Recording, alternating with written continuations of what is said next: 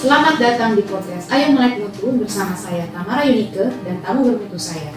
Podcast Ayo Melek Mutu mengajak Anda menyadari pentingnya mengetahui status mutu barang atau layanan jasa yang Anda gunakan sehari-hari. Podcast ini dipersembahkan oleh Mutu Internasional, perusahaan yang bergerak di bidang inspeksi, sertifikasi, serta pengujian barang dan jasa. Selamat bertemu kembali kawan mutu di podcast Ayo Melek Mutu episode 19 yang membahas tentang SMK 3. Nah, bersama saya Tamara Yunike dan tamu saya. Assalamualaikum. Waalaikumsalam. Saya Ma'ruf Asir di Mutu Internasional sebagai auditor SMK 3. Nah, hari ini kita akan membahas tentang SMK 3 karena uh, memperingati 28 April lalu yang merupakan hari K3. Nah, uh, saya mau nanya sama Mas Ma'ruf, uh, SMK 3 itu apa sih Mas sebetulnya? Jadi SMK 3 itu adalah sebuah sistem hmm. yang memastikan bahwa perusahaan dan tenaga kerjanya terlindungi.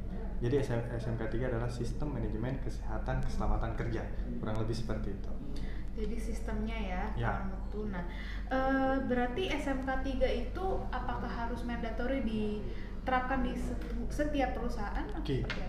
betul. Di negara kita itu ada Undang-Undang Nomor 13 Tahun 2003 itu terkait dengan ketenaga kerjaannya, di mana di pasal 86 itu mengatur terkait dengan sistem dan di pasal 87-nya itu e, mengatur terkait ketenaga kerjaan. Akhirnya pada tahun 2012 dibuatlah peraturan pemerintah nomor 50. Itu mandatori. Jadi seluruh perusahaan yang ada di kawasan Indonesia itu wajib menerapkan SMK 3. Kurang lebih seperti itu. Jadi bersifatnya mandatori. Mandatori karena sudah ditetapkan di peraturan ya, pemerintah peraturan ya, pemerintah. ya. Baik. Nah, eh, SMK 3 itu sendiri apakah ada jenis-jenis atau tipe-tipe atau seperti apa itu ada nggak sih mas? Oke, okay. kalau di SMK 3 itu dia ada tahapan namanya. Ada tiga tahapan.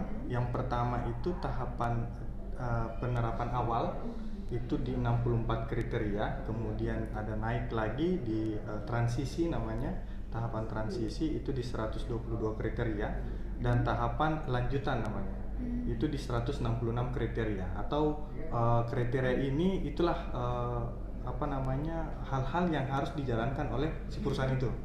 Jadi ada 64, 122 dan 166 kriteria. Oke, berarti tahapan uh, berapa poin yang uh, perusahaan bisa terapkan itu ya tadi ya, tiga tingkat itu ya betul. Mas.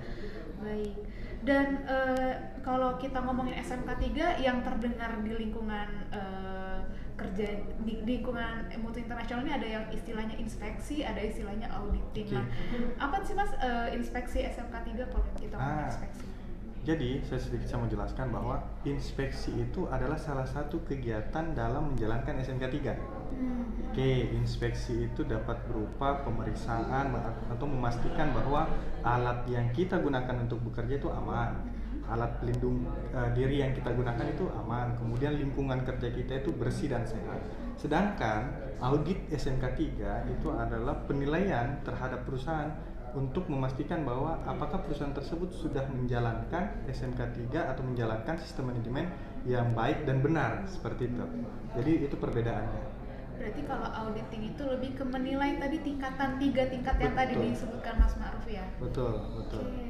Dan berarti kalau di mutu internasional sendiri uh, SMK 3-nya ini uh, seperti apa Mas uh, jasanya? Berarti auditing tadi itu ya Mas ya? ya? betul. Ya. Kita lebih uh, kalau di PT Mutu Lestari atau Mutu Certification itu lebih ke audit. Jadi memastikan bahwa si perusahaan itu sudah menjalankan uh, sistem manajemen K3 dengan baik dan benar seperti itu. Dan sebagai auditor SMK 3 sendiri nih Mas Maruf uh, di Butuh Internasional khususnya bagaimana sih Mas uh, uh, proses dari uh, audit di SMK SMK 3 di Butuh Internasional dan biasanya orang nanya berapa hari atau mungkin berapa cepat dan Oke. Okay. Jadi tahapan untuk uh, bisa kami audit, kami melakukan audit itu pertama dari segi administrasi dulu ya. Hmm. Jadi ada kontrak, kemudian penawaran harga. Setelah itu kami menggali uh, informasi awal dengan uh, klien kami, jumlah tenaga kerjanya, ruang lingkup yang mereka kerjakan itu seperti apa. Kemudian setelah itu terjadilah kontrak di mana nanti perhitungannya itu ada hitungan mendesnya ya hmm. ada perhitungan mendesnya misalnya dia tenaga kerjanya lebih dari 100 orang otomatis uh, kita akan menurunkan berapa jumlah auditor kemudian berapa hari uh, kemudian kategori berikutnya adalah dilihat dari segi ruang lingkup pekerjaan mereka apakah hmm. risiko tinggi atau risiko rendah seperti itu jadi tahapannya uh, setelah itu setelah kita menentukan mendes kemudian keluarlah jadwal untuk auditornya. Hmm. Nah, jadi ada tim kami juga yang menentukan bahwa auditor ini yang akan melakukan audit di PTA, PTB, PTC. Kurang lebih seperti itu gambar. Oke, seperti itu prosesnya. Dan tadi mengenai eh, klien-klien dari SMK Tiga Mutu Internasional, nah sebetulnya organisasi-organisasi apa sih mas yang uh, harus atau bisa diaudit SMK 3 ini? Hmm, Oke. Okay. Uh, eh, sebenarnya SMK 3 ini itu bersifat mandatori untuk seluruh perusahaan. Oke? Okay? Mandatori untuk perusahaan. Apalagi perusahaan yang memiliki tenaga kerja se, eh, di bawah 100 tenaga kerja tapi mem, mempunyai pekerjaan risiko tinggi. Contohnya kayak kontraktor itu kan di bawah 100 biasanya. Tapi proses pekerjaannya mereka itu risiko tinggi. Ada bekerja di ketinggian, ada bekerja di uh, maintenance ruang tertutup dan lain sebagainya. Nah, itu berisiko tinggi namanya. Atau di bawah uh, eh, 100 orang uh, ah, sorry uh, atau di bawah 100 orang uh, tapi eh di atas 100 orang dengan uh, risiko rendah oh.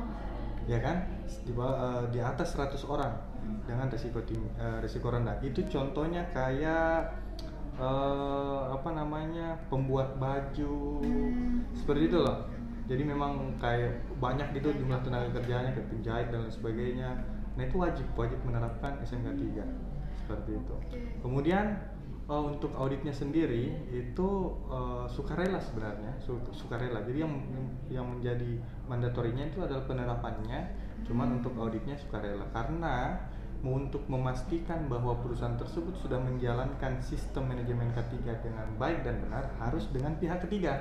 Hmm. Nah, pihak ketiga lah di sini mutu internasional. Ah, Seperti itu kurang lebih. Oke, paham mulai paham ya kawan mutu ya e, tentang SMK 3 dan bagaimana sih auditingnya. Nah, dan e, tadi Mas e, ngomongin tentang organisasi tadi kan sebenarnya seharusnya uh, penerapannya itu yang wajib tapi uh, auditnya ini sukarela. Nah, sebetulnya uh, apa sih yang bisa didapatkan atau keuntungan yang bisa didapatkan dari perusahaan-perusahaan yang uh, mau diaudit atau mau mengaudit diri untuk SMK 3 itu mas?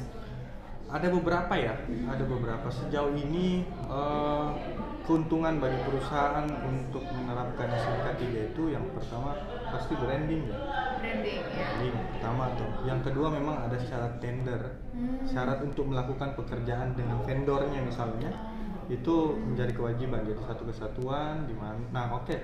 itulah yang menyebabkan bahwa si perusahaan itu mau tidak mau harus dinilai hmm. untuk uh, memastikan bahwa perusahaan tersebut sudah menerapkan SMK 3 dengan baik dan benar jadi seperti itu jadi ada tolak ukur yang ya. atau uh, ya yang lebih objektifnya pihak ketiga tadi itu ya mas ya, ya sehingga uh, dinilai perusahaan ini memang sudah uh, menerapkan SMK 3 dengan Betul. baik dan kalau misalkan kita nih sebagai orang awam yang bukan auditor gitu mas bisa nggak sih uh, kita melihat ciri-ciri perusahaan atau organisasi atau tempat kerja yang sudah menerapkan SMK 3-nya dengan baik gitu mas? Oke, secara uh, kasat mata dulu ya. Yeah. Kasat mata kalau misalnya kita orang awam masuk ke sebuah perusahaan, apabila hmm. perusahaan itu banyak uh, mengkampanyekan K3 salah satunya, hmm. kemudian sudah ber, uh, sudah banyak terdiri simbol-simbol terkait K3 simbol-simbol di sini juga ada simbol-simbol bahaya kemudian penggunaan APD kita baru pertama masuk langsung di safety briefing diberitahukan hal-hal apa yang harus kita jaga tidak boleh kita jalankan hal-hal apa yang uh, harus kita perhatikan. Kurang lebih seperti itu untuk kasat matanya. Nah nanti setelah kita mau lebih mengatur lebih dalam lagi baru dia bisa kita tanyakan terkait dokumen-dokumen SMK 3-nya seperti itu. Berarti uh, perusahaan yang peduli dengan SMK 3 uh, mereka ini juga dari cara mereka uh, memper, me, memper, apa ya memperlakukan karyawan itu ah, juga betul.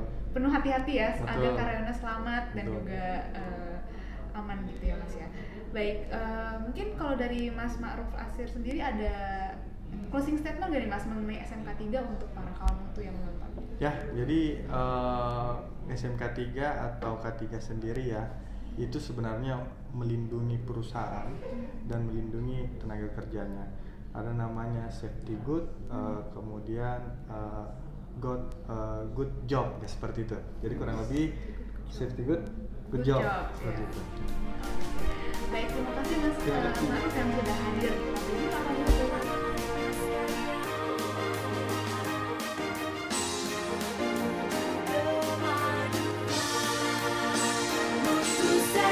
International